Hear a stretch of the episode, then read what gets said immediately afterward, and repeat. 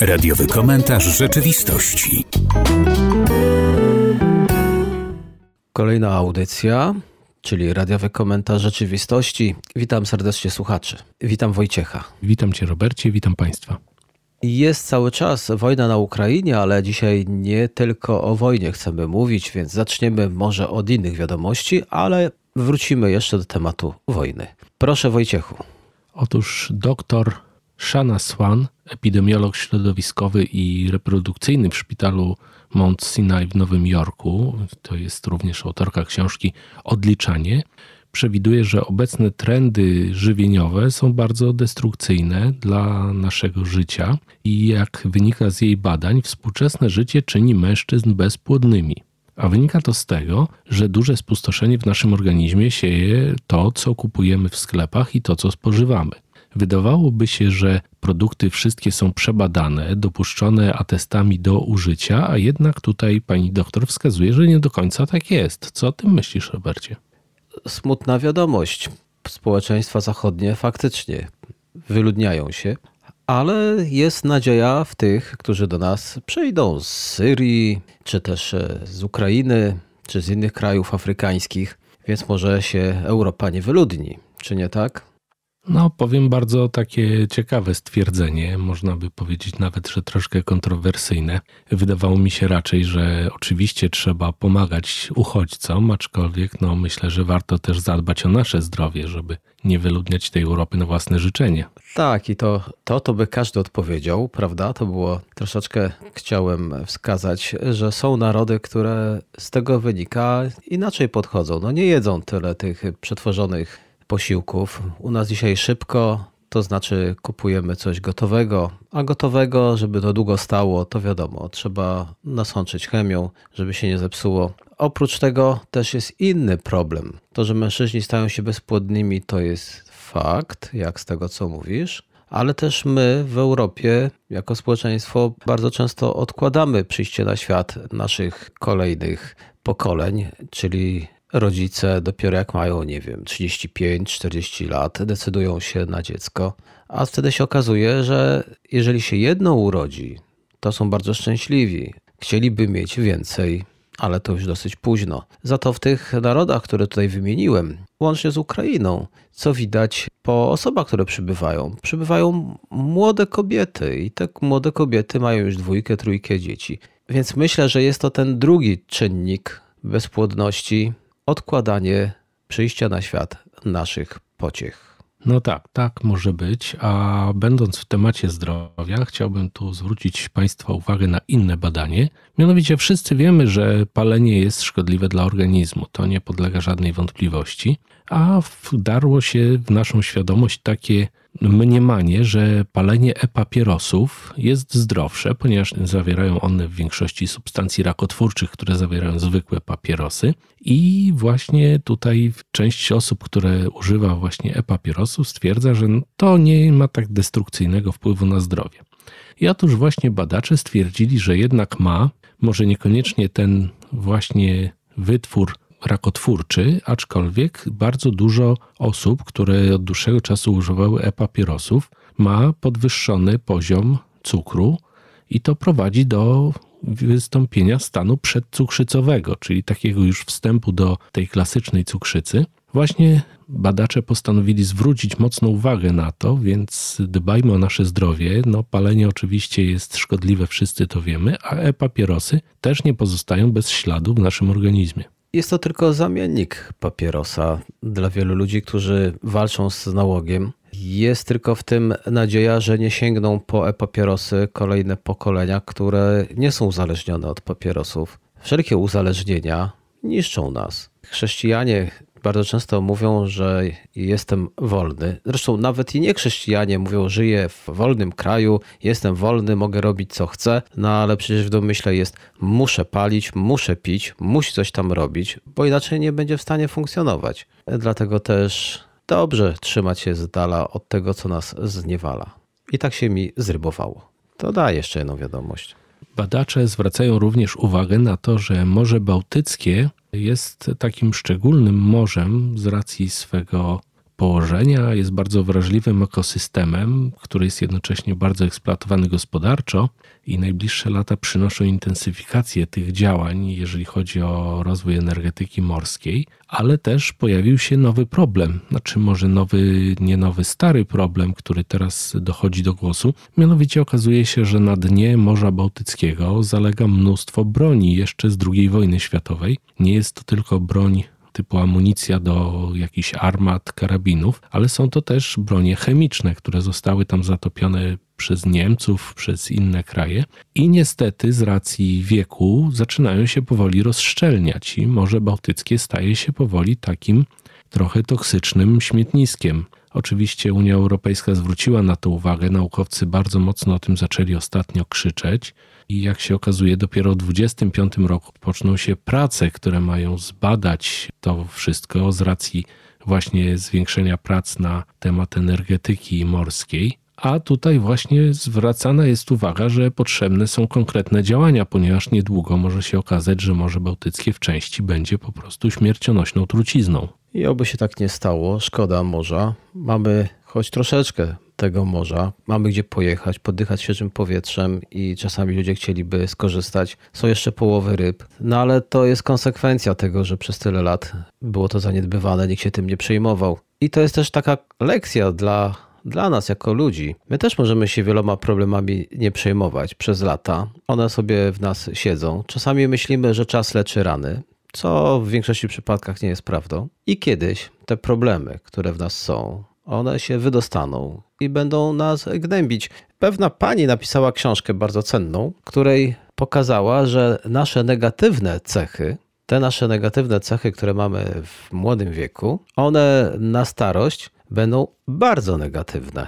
Jeżeli nie zajmiemy się nimi teraz, aby nas charakter kształtować, to potem możemy być bardzo nieznośni dla tych, którzy może chcieliby się nami zaopiekować, ale nie będą mieli wielkiego entuzjazmu do tego, bo będziemy chyba odpychający. Także, drodzy słuchacze, weźcie lekcję z Morza Bałtyckiego. To nam niewykluczone wkrótce może dać mocno w kość, ale to my też możemy kiedyś dać komuś mocno w kość, jeżeli teraz uważamy, że przecież w nas nie trzeba nic zmieniać. Jesteśmy tak cudowni, że do rany przyłóż. To się okaże z czasem, jak zwykle. Jak mówi stara zasada fizyczna, wszystko dąży do entropii, więc i my też nie jesteśmy coraz cudowniejsi, jak się okazuje. A teraz czas na przerwę. Zapraszam do wysłuchania utworu muzycznego.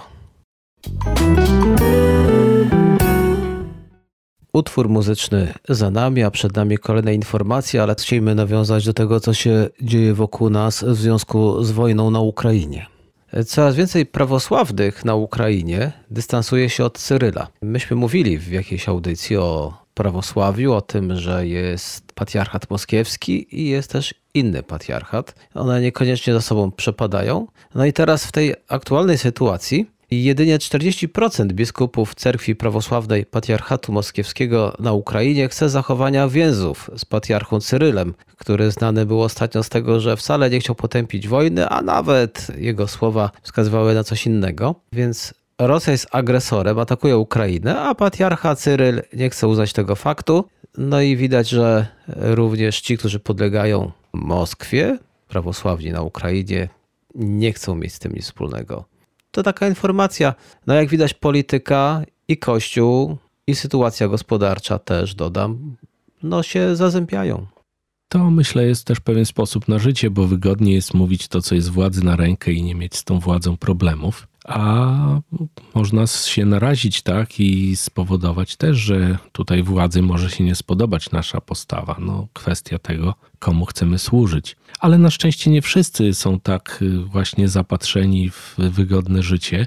Otóż pamiętamy ostatnio wystąpienie rosyjskiej dziennikarki, która została ukarana grzywną za protest w telewizji publicznej, właśnie rosyjskiej, gdzie wystąpiła z tablicą, która była protestem przeciwko wojnie. I otóż ta pani była więziona około 14 godzin. Trwało jej tyle, trwało jej przesłuchanie, nie pozwolono nawet prawnikom do niej wejść. Na tą chwilę została ukarana karą w wysokości 30 tysięcy rubli, to jest równowartość 280 dolarów amerykańskich, ale jak podaje tutaj y, jedna z gazet, niewykluczone, że będzie jeszcze odpowiadała z nowego prawa odnośnie fake newsów, które ostatnio w Rosji zostało wprowadzone. Także na szczęście nie wszyscy tutaj są tak układni w stosunku do władzy jak patriarcha. Miejmy nadzieję, że coraz więcej ludzi będzie protestować i sytuacja się zacznie znacząco poprawiać. Nawiązując do tej pani, to tylko wspomnę, że dotarła do mnie też informacja, że ta rosyjska dziennikarka nie byłaby w stanie tego zrobić, gdyby jej nie pozwolono, bo te wiadomości nadają z lekkim opóźnieniem właśnie w celu reagowania. Więc a w serwisie ukraińskim przeczytałem, że było to zamierzone. Ale jak to było naprawdę, nie chcę nic więcej mówić, bo przecież nie znam tematu. Może być coś na rzeczy, bo nie wiem, czy zwróciłeś uwagę, że wczoraj odbywały się uroczystości y, ośmiolecia przyłączenia Krymu do Rosji. Tam Władimir Putin przemawiał do narodu i jego przemówienie też zostało w połowie przerwane i puszczono pieśni patriotyczne, po czym przemówienie było kontynuowane i znów je przerwano najazdem na ludzi, więc być może to są te pierwsze jaskółki, które uczynią wiosnę. Poprzednio wspominałem o pewnej prośbie jednego z biskupów na Ukrainie, który prosił: módlcie się, żebyśmy nie poddali się nienawiści. Pamiętasz? Tak, oczywiście. Bardzo piękne wezwanie. To teraz kolejne mądre słowa płyną również od jednego z biskupów, bo wiadomo, że Rosjanie atakują kościoły. Wiemy o tym, że używają zakazanej broni. I jak mówi jeden z biskupów, nasze świątynie są niszczone, nasze miasta płoną, a nieprzyjaciel używa okrutnej broni zakazanej przez międzynarodowe konwencje. I co on tam mówi? Modlimy się jednak za naszych wrogów, którzy przybyli na naszą ziemię, siejąc zniszczenie, śmierć i strach. No to są, bym powiedział, słowa odważne, bo jak kiedyś wspominaliśmy, jeden z ewangelistów, Franklin Graham, został skrytykowany przez niektórych, jak nawoływał, żeby się modlić za Putina. A tutaj biskup Szewczuk mówi, a my się modlimy za naszych wrogów. No tak, to jest oczywiste. No, każdy wierzący, myślę, który choć trochę zna pismo, w bardzo jasny sposób zrozumie ten przekaz. A jeżeli stoimy tylko na stanowisku, że zacietrzewimy się, bo Rosjanie atakują, no Rosjanie też potrzebują Boga, to zgadzamy się chyba z tym wszyscy, więc trzeba się modlić też o nich. Zanim przejdziemy do następnej wiadomości, to jeszcze zacytuję go. W tych niezwykłych okolicznościach dziękuję wszystkim solidarnym z Ukrainą, biskupom skandynawskim, którzy jasno sprzeciwili się agresji Rosji i patriarchom wschodu, z Syrii i Iraku, którzy wyrazili swoje poparcie dla naszego narodu. Dobrze, a teraz e, kolejna wiadomość. Wojciechu, Otóż pozostając jeszcze w temacie wojny, ale może nie bezpośrednio, niemiecki Urząd do Spraw Bezpieczeństwa Cybernetycznego ostrzegał przed używaniem oprogramowania antywirusowego rosyjskiej firmy Kaspersky. Jeżeli Państwo śledzicie trochę informacje właśnie odnośnie cyberbezpieczeństwa, to ta firma była już wcześniej krytykowana ze względu na to, że udostępnia możliwość śledzenia swoich klientów rosyjskim władzom, a tutaj właśnie znowu pojawiają się informacje, że lepiej bardzo ostrożnie podejść do tego tematu. Oczywiście oficjalnie nikt nie mówi tego, że firma przekazuje te dane, aczkolwiek są takie podejrzenia, więc lepiej dmuchać na zimne. Kiedyś ta firma była bardzo ceniona. Pamiętam, że mieli całkiem e, dobre wyniki w chronieniu naszych e, komputerów. Zapewne nie jedna osoba ze smutkiem przyjmie wspomnianą informację, bo wielu użytkowników przyzwyczaiło się do tej firmy. A zwłaszcza, że to jest całkiem dobry program, jeżeli chodzi o ochronę antywirusową. Aczkolwiek bezpieczeństwo naszych danych chyba jest ważniejsze niż wybór firmy. Tak, i nie trzymać tych danych w chmurze w Rosji. A teraz e, przerwa muzyczna. Zapraszam więc na utwór muzyczny, po którym będzie część trzecia. Dotarliśmy do części trzeciej i w tej części trzeciej już też odchodzimy od wojny na Ukrainie, a przenosimy się w inne rejony. Proszę Wojciechu. Pozostaniemy jeszcze chwilę w kwestiach bezpieczeństwa, tylko z innej strony. Otóż, jak się okazuje, w naszym kraju na początku 2022 roku kontrolowało nas ponad 500 fotoradarów, które są umieszczone na różnych drogach naszego kraju te liczby cały czas wzrastają i tutaj właśnie firma Janosik, która zajmuje się między innymi badaniem rozmieszczenia tychże urządzeń, stwierdziła, że jeszcze więcej tych urządzeń powstanie na naszych drogach. Najwięcej, jak się okazuje, znajduje się w województwie pomorskim, mazowieckim, wielkopolskim. Z jednej strony to dobrze, że tutaj państwo nasze dba o nas i umieszcza te urządzenia, które są w pewnym stopniu takim straszakiem przed nadużywaniem prędkości na drogach, ale z drugiej wydaje mi się, że to jest smutne, że państwo musi ustawiać fotoradary, żeby ludzi zmobilizować do wolniejszego jeżdżenia, nie sądzisz? to jest już taka oznaka XXI wieku. To już się pojawiło pod koniec XX. My się wszędzie śpieszymy. Wszystko chcemy mieć szybko. Przecież ludzie piją kawę, gdzie nie ma czasu, żeby ją przygotować w jakiś tradycyjny sposób. Dzisiaj tradycyjny to jest po prostu szybko. Jedzenie to najlepiej odkręcić słoik i żeby było gotowe. Szkołę to najlepiej skończyć w rok i maturę zdać i studia. Wszystko chcemy mieć szybko. Kolejek już nie lubimy, bo chcemy mieć szybko dostęp do tego, co chcemy. No i na drogach jest po prostu kontynuacja. My chcemy szybko. Szybko dotrzeć na miejsce, szybko, bo może się trzeba pochwalić nowym samochodem. A jest taka inicjatywa, pewnie słyszałeś, Slowly. No tak, to było w mediach swego czasu głośno na ten temat. Więc może warto tak nie pędzić. Będziemy na pewno dłużej żyć, bo wypadków będzie mniej. I na pewno też będziemy zdrowsi, bo jak jemy półprodukty albo już gotowe produkty, które stoją na półkach 2-3 lata, więc muszą mieć chemię, żeby się tam utrzymały. Ale masz rację. Inny jeszcze element jest taki, że jakoś chyba nie szanujemy swojego życia i życia innych, i na tych drogach ponosi nas ułańska fantazja. No tak, i tu mi się przypomniał właśnie taki żart, który kiedyś krążył po internecie, że zając, który biega bardzo szybko, żyje kilka lat. Natomiast żółw, który się porusza bardzo wolno, żyje po 200, 150 do 200 lat. Tak? Więc bierzmy przykład z żółwia, może nie dosłownie, ale zwolnijmy. O, tutaj by się mogli odezwać niejedni lekarze, którzy mówią, że pośpiech i tempo wykańcza nas i wielu ludzi żyje krócej, dlatego że się śpieszy. A teraz przenieśmy się do innego kraju, do Szwecji. Ten kraj od czasu do czasu mnie zadziwia i to wcale nie pozytywnie. Wiesz, że można być ukaranym, dlatego że pozwoliło się na modlitwę w szkole chrześcijańskiej w Szwecji. No ciekawa informacja. Czy mógłby się rozwinąć? Szwedzkie przedszkole, nazwane przedszkolem Aliden, zostało ukarane, bo, no bo dzieci przy stole modliły się. Od razu powiem, jest to miejscowość 100 km na zachód od Sztokholmu. Zaczęło się od wizyty takiej jakiejś tam kontrolującej ekipy w tym miejskim chrześcijańskim przedszkolu. No i ich raport opisywał, jak modlitwa przy stole była połączona z posiłkiem. No i oni stwierdzili, że tak nie może być i postanowili ukarać. Prawdą jest, że przedszkole się odwołało i na razie nie musi płacić tej kary, no ale sprawa jest w toku. No, jestem ogromnie zadziwiony, że w chrześcijańskiej szkole, która z zasady jest chrześcijańska, a więc y, trzeba się spodziewać tego, że przed posiłkiem ludzie będą chcieli zachęcać dzieci do modlitwy, no bo przecież uczymy ich w domu również tego, zachęcamy. No ale okazuje się, że to nie wszystkim jest na rękę. No świat, świat się zmienia. No, świat stoi na głowie, to już od dawna widać. Jeżeli przedszkole chrześcijańskie jest y, karane za to, że się modlą w nim, no to tylko czekać, aż zwykłe szkoły zaczną karane być za to, że jest tam matematyka. No, Szwecja, ciekawy kraj.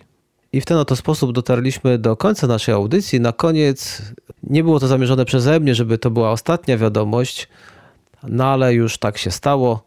Można się już dowiedzieć z polskich mediów, że chińskie kanały chcą wejść do polskich sieci kablowych. I pewna firma już nawiązała współpracę z siecią chińską i dzięki niej do polskich sieci kablowych mogą trafić co najmniej trzy kanały. Jeden informacyjny, jeden dokumentalny i tu z tego by wynikało, że one będą tłumaczone chyba na język polski, bo dodano, że i nadawany w języku chińskim trzeci. Co o tym sądzisz? Że będziemy mieli w Polsce już e, nie tylko chińskie produkty, ale również e, chińską indoktrynację. Czy no z jednej strony mnie to nie dziwi, ponieważ jeżeli mamy kanały amerykańskie, jeżeli mamy do pewnego czasu mieliśmy kanały rosyjskie, kanały niemieckie, no to konsekwencją jakby oczywistą jest to, że mogą też inne kraje zechcieć nam swoje kanały, swoje zaserwować swoje filmy. No oczywiście, no trzeba się liczyć z tym, że może być to częściowo chińska indoktrynacja, bo te